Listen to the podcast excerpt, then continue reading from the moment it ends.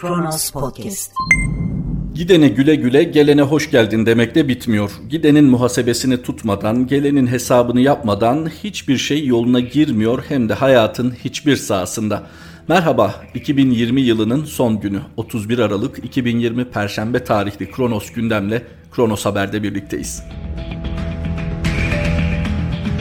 Muhasebeden hesaptan söz etmiştik. Onunla başlayacağız. Kronos Haber'den aktaracağımız ilk başlık 2021'de Türkiye ekonomisinin gündemi geçim derdi.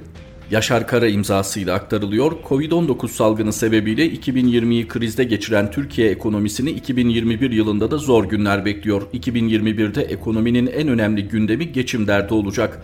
Resmi rakamlara göre 4 milyonun üzerindeki işsiz sayısı, gıda fiyatlarına her gün gelen zamlar, Merkez Bankası'nın eksiye düşen rezervleri yeni yılda da gündemi meşgul edecek.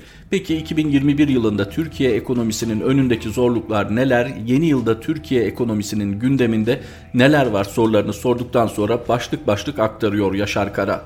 245 milyar lira bütçe açığı, Merkez Bankası'nın eksi 55 milyar dolara düşen rezervi, Dolar ve avroda yeni rekorlar gelecek mi? Faiz %20'ye ulaşacak mı? Gerçek işsiz sayısı 10 milyona dayandı. Asgari ücretin altında maaş alan 8 milyon emekli. İcralık çiftçiler, takipteki kredi borçları.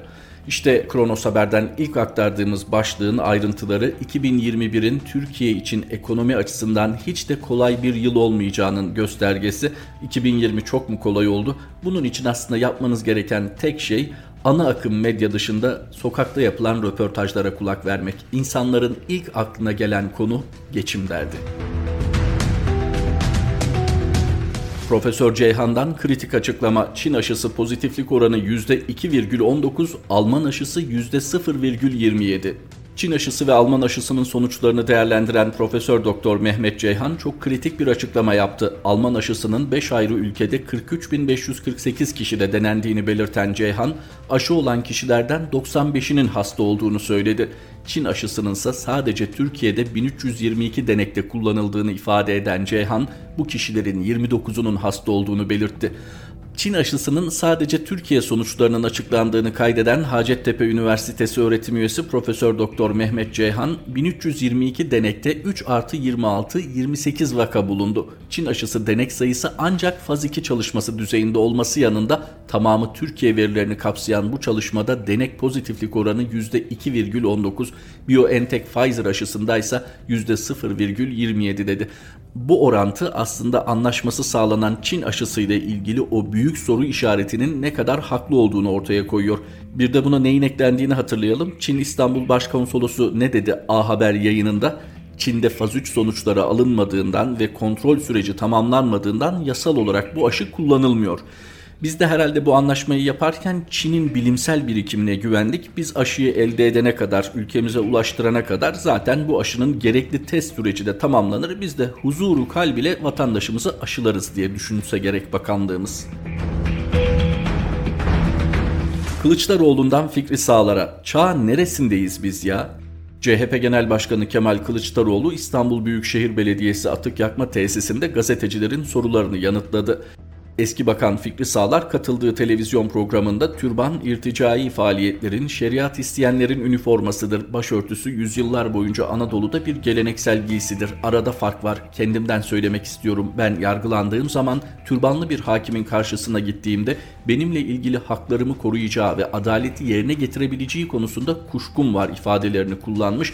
Bu sözler büyük tepki toplamıştı. İşte bir gazeteci Fikri Sağlar'ın bu sözlerini hatırlattı ve Kılıçdaroğlu şunları söyledi.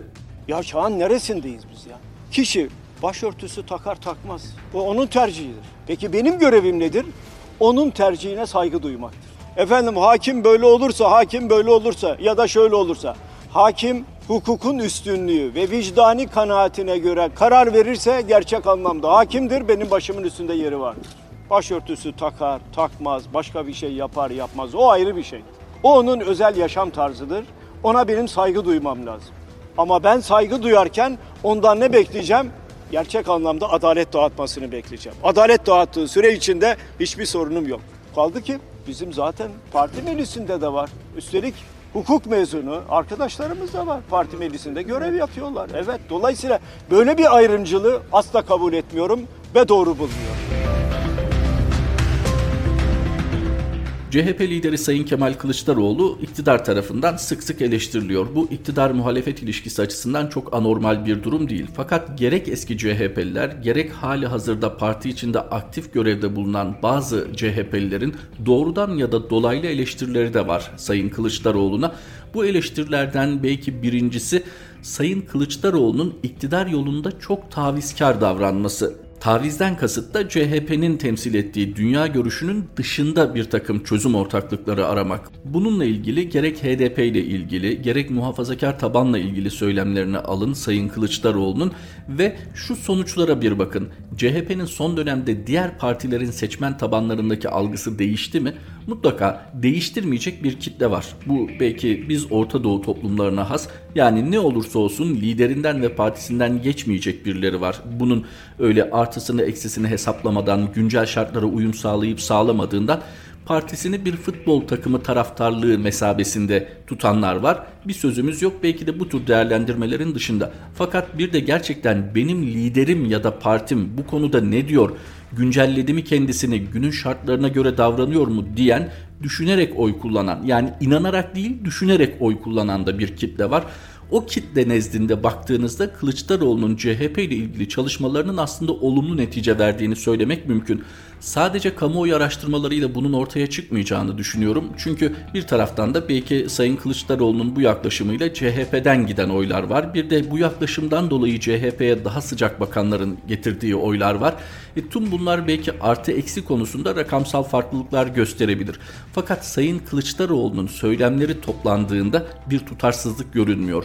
Burada ısrarla vurguladığı şu. Biz Türkiye'deyiz, farklılıklarımız var ve bir arada yaşamanın yollarını bulmalıyız.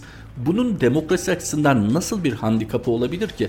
Tabii Sayın Kılıçdaroğlu'nun eleştirilmemesi diye bir şey söz konusu değil, olamaz da. Zaten demokrasinin ruhuna aykırı. Ancak Sayın Kılıçdaroğlu'nun belki de en demokratik girişiminin bu şekilde eleştirilmesi, hele hele parti içinden eleştirilmesi akla ister istemez şu soruları getiriyor.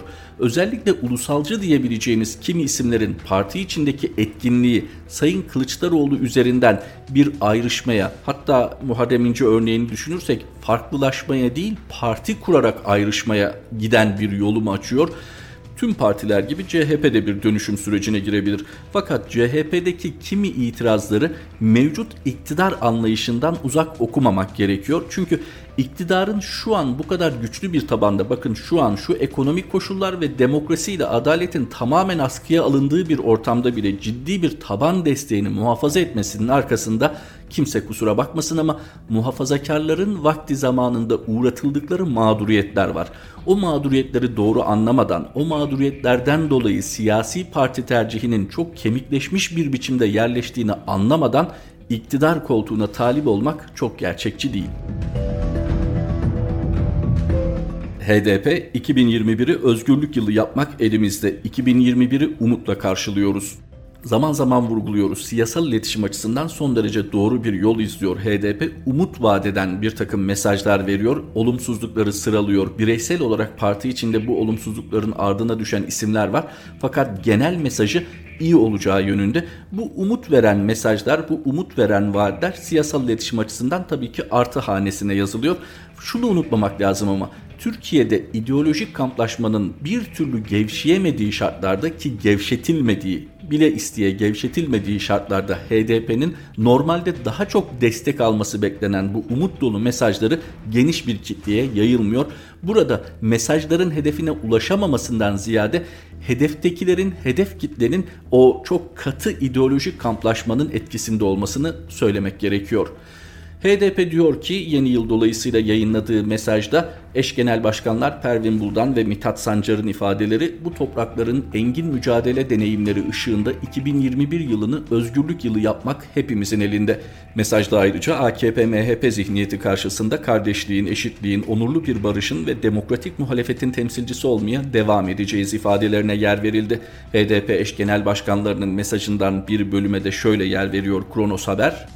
Dünya halkları ve Türkiye toplumu 2020 yılını ağır siyasi baskılar, eşitsizlik, pandemi, tecrit, hukuksuzluk, işsizlik, yoksulluk, insan hakları ihlalleri ve buna karşı verilen büyük bir mücadele ve direnişle geride bırakıyor.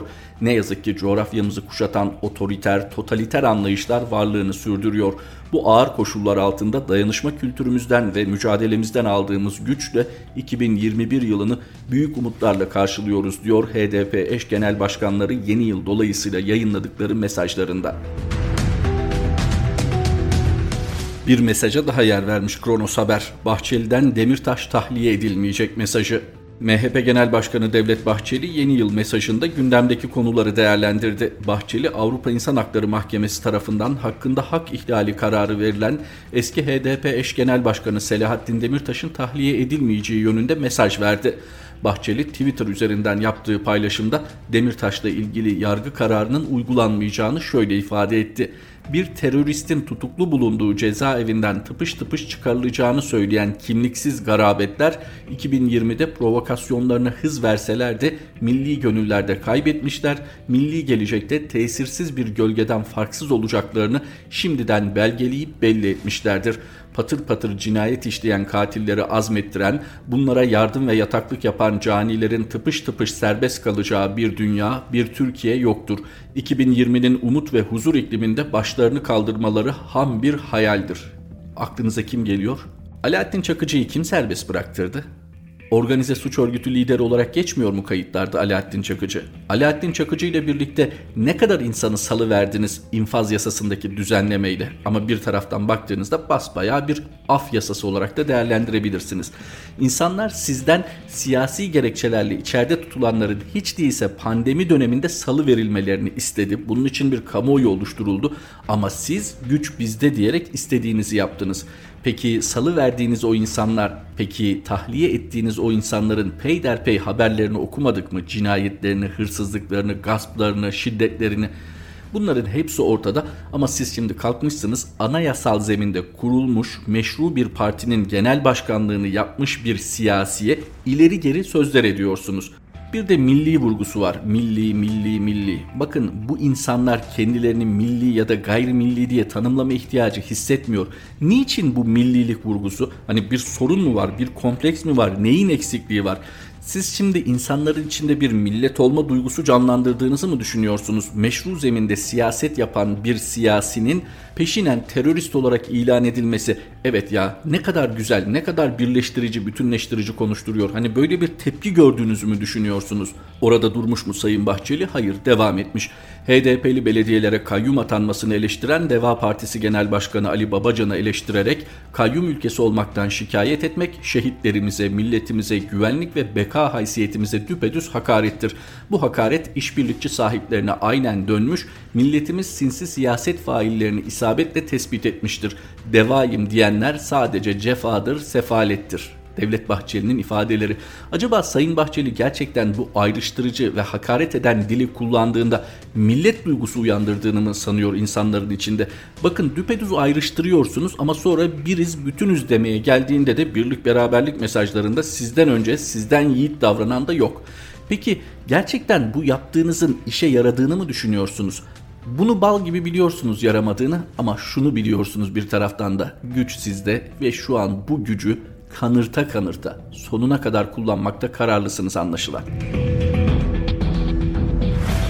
Umut olması açısından bu başlığı özellikle aktaralım. Anayasa Mahkemesi KHK ile işten atılan belediye işçilerini haklı buldu. Anayasa Mahkemesi Bitlis'in Tatvan ilçesinde 2017 yılında kanun hükmünde kararname ile ihraç edilen Tatvan Belediyesi işçilerinin başvurusuyla ilgili hak ihlali kararı verdi. AYM'nin oy birliğiyle aldığı kararda aynı zamanda KHK ile işten atılanlara tazminat ödenmesine hükmedildi. Kararda adil yargılanma hakkının ihlali, makul sürede yargılanma hakkının ihlali ve adli yardım talebinin yerine getirilmesi gibi maddelerden hak ihlali kararı verildi. Bu olumlu bir gelişme. Tabi bu olumlu gelişme bunca zaman sonra ancak elde edilebilen bir olumlu gelişme. Onun için umut olması anlamında aktardık. Artarak devam etmesini diliyoruz bu hukuk kokulu kararların noterde bir işlem esnasında gözaltına alınmış ardından da çok hızlı bir şekilde tutuklanmıştı. Şair Yılmaz Odabaşı tahliye edildi. Dün tutuklanarak Kandıra cezaevine konulan şair Yılmaz Odabaşı tahliye edildi. Odabaşı'nın tahliye kararını CHP milletvekili Sezgin Tanrıkulu duyurdu. Hemen ekleyelim Sayın Tanrıkulu bu tutuklama gerekçesinin 2017'den kalma bir adli meseleye dayandığını söyledi. Haberle ilintili bir diğer başlık gazeteci, yazar, siyasetçi, aydın ve sanatçılardan tutuklanan Yılmaz Odabaşı'na destek. Bu son derece önemli çünkü böyle durumlarda birileri kendi ifadesiyle Sayın Odabaşı'nın hani ses olalım, ses verelim diyordu ya. Ses veren birilerinin yalnız bırakılmaması çok önemli. Çünkü bir müddet sonra hiç kimse, hiç kimsenin hakkı için sesini çıkarmayacak, çıkaramayacak. Gelin hala ses çıkarma şansınız varken geçmiş haksızlıkları da anın, geçmiş mağdurları da zikredin ki bir birlik beraberlik atmosferi gerçekten de olsun. Siyasiler için kullanışlı bir birlik beraberlik söyleminden bahsetmiyorum. Gerçekten şu ülke sınırları içinde kimliğine bakmadan mağdura sahip çıkılabilecek bir birlik beraberlik ortamından söz ediyorum. İstihbarat şubeden evlere baylok baskınları, biri kadın, 3 kişiye daha gözaltı. İstanbul Emniyet Müdürlüğü İstihbarat ve Terörle Mücadele Şube Müdürlüğü ekipleri Gülen cemaatine yönelik soruşturma kapsamında aranan ve avukatlardan sorumlu olduğu iddia edilen Kamil Bey'i Ümraniye'de bir evde gözaltına aldı.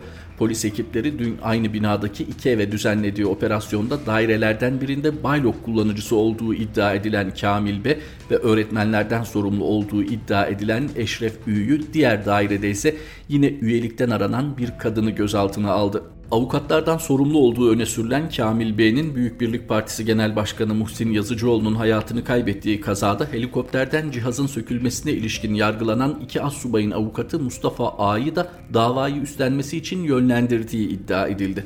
Ne kadar ilginç bakın peş peşe nasıl denk gelmeler bunlar. Tam da bu sıralarda Nedim Şener'in aklına geldi konu ve dedi ki bir takım operasyonlar yapılmasaydı bugün Recep Tayyip Erdoğan ve Hakan Fidan Muhsin Yazıcıoğlu'na suikastten yargılanacaklardı.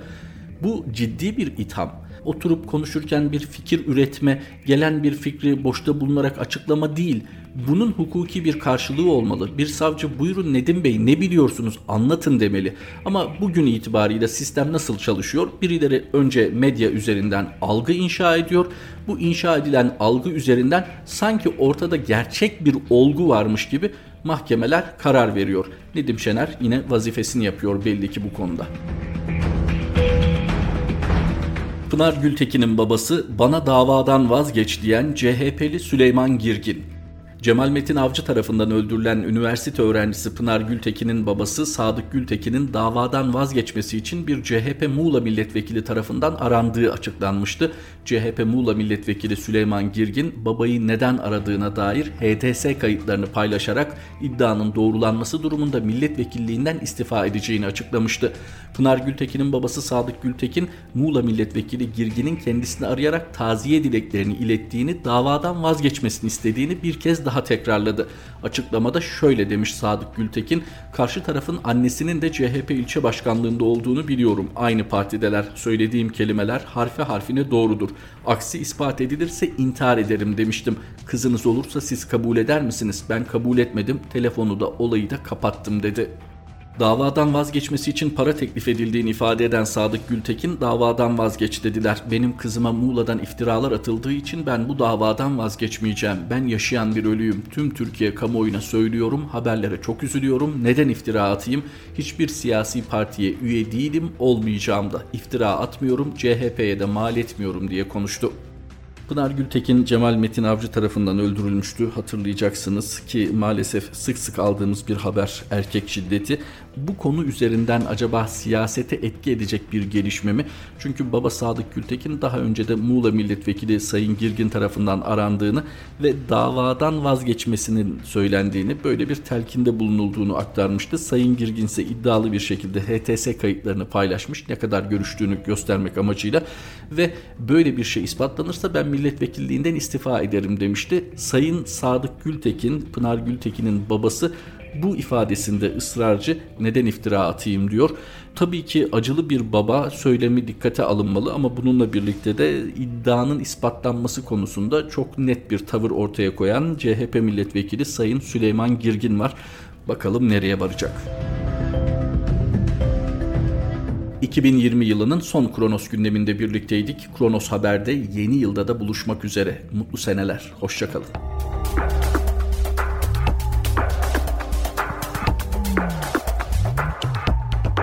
Kronos Podcast